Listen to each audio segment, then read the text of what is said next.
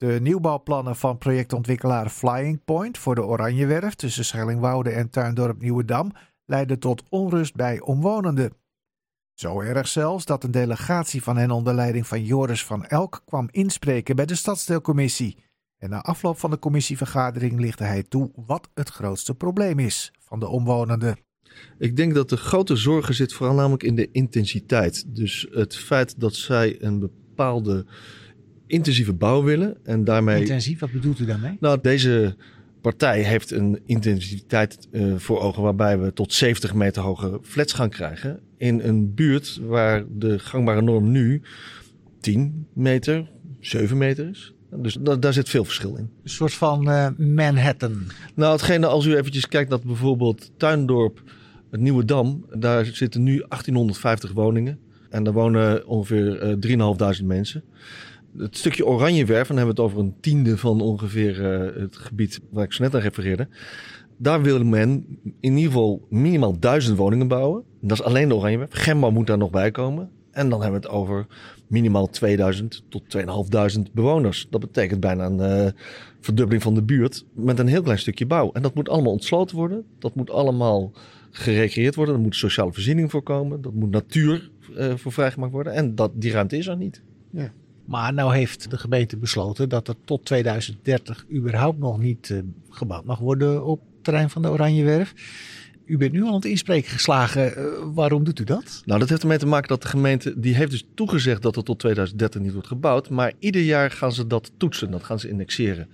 En dat betekent dat ieder jaar er een prioriteitenlijst opgesteld wordt. En ondernemers als Flying Point, die is vrij om te proberen op die prioriteitenlijst te komen. En dat zijn ze op dit moment, is dat het proces wat gaande is. Want zij moeten in, uh, willen eind januari op die prioriteitslijst komen. Lukt dat hun? Ja, dan is het niet meer 2030, maar dan kunnen ze vanaf 2025 beginnen. Want dan houdt het contract met Damen Shipyard op. Maar, maar nou zegt uh, Flying Point op haar website dat alles in overleg met de buurt gebeurt. Waarom bent u hier dan toch? Um, ik ben hier omdat Flying Point zeg maar zijn eigen kaders bepaalt. En u moet het eigenlijk zo zien, er wordt een heel klein domeintje gekaderd. En dat is namelijk hun wensen. En binnen die wensen mogen wij zeggen of de torenflat 70 meter hoger wordt of 68. En of er vier flats komen van 50 meter hoog of drie van 70. Maar wij willen sowieso niet dat soort intensieve bouw hebben. En daar wordt niet naar geluisterd en dat is jammer. Dus als u zegt, nou doe dan maar 68, dan zeggen ze, nou de bewoners vinden 68 eigenlijk wel prima. Dat effect een beetje. Ja, eigenlijk is dat wat, uh, wat, wat we nu ook zien en dat is ook hoe ze het terugkoppelen. In het verslag, wij hebben meerdere malen aangegeven dat wij als buurt daarin gereflecteerd willen zien. Dat het onmogelijk is, dat wij nu aan onmogelijkheden aan het werk zijn. Uh, zij doen het in verslag komen van, nou de buurt is eigenlijk best enthousiast en uh, vindt het heel erg fijn wat we aan het doen zijn. Ja, nou heeft u stadsdeelvoorzitter Bahima Biet ook net gehoord. Die zegt, ja, nou maakt u zich vooral geen zorgen. 2030 is het. Het staat niet op onze prioriteitenlijst. Uh, bent u gerustgesteld? Nou, uh, ik ben zeer blij dat we in ieder geval dat hebben te horen gekregen van uh, Brahim. En dat, dat, dat stelt enigszins gerust. Het enige is natuurlijk wel dat we moeten ook kijken...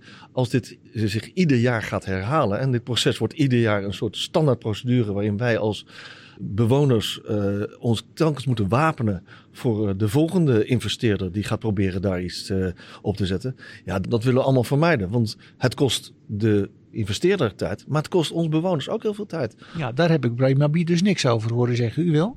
Nee, daar heb ik Brahim, maar uh, wij hopen dat we binnenkort met uh, meneer Brahim in gesprek kunnen gaan. En dat we uh, kunnen kijken hoe wordt daar vanuit de gemeente naar gekeken. Want ik denk dat het voor de gemeente ook een veel te grote belasting is om ieder jaar maar weer duidelijk te maken dat dit gebied nog geen forumsgebied is. aan de andere kant moeten we ook realistisch zijn dat Amsterdam heeft een woningstekort.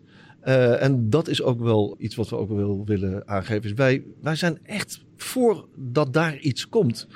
Maar op het moment als we bijvoorbeeld kijken naar het uh, koersvisie 2025, daar werd gezegd door de gemeente 500 woningen. Nou, 500 woningen, dat is een hele andere intensiteit dan minimaal 1000 alleen op de Royenwerf. Dus dat betekent dat we dan komt er voor ons ook weer lucht.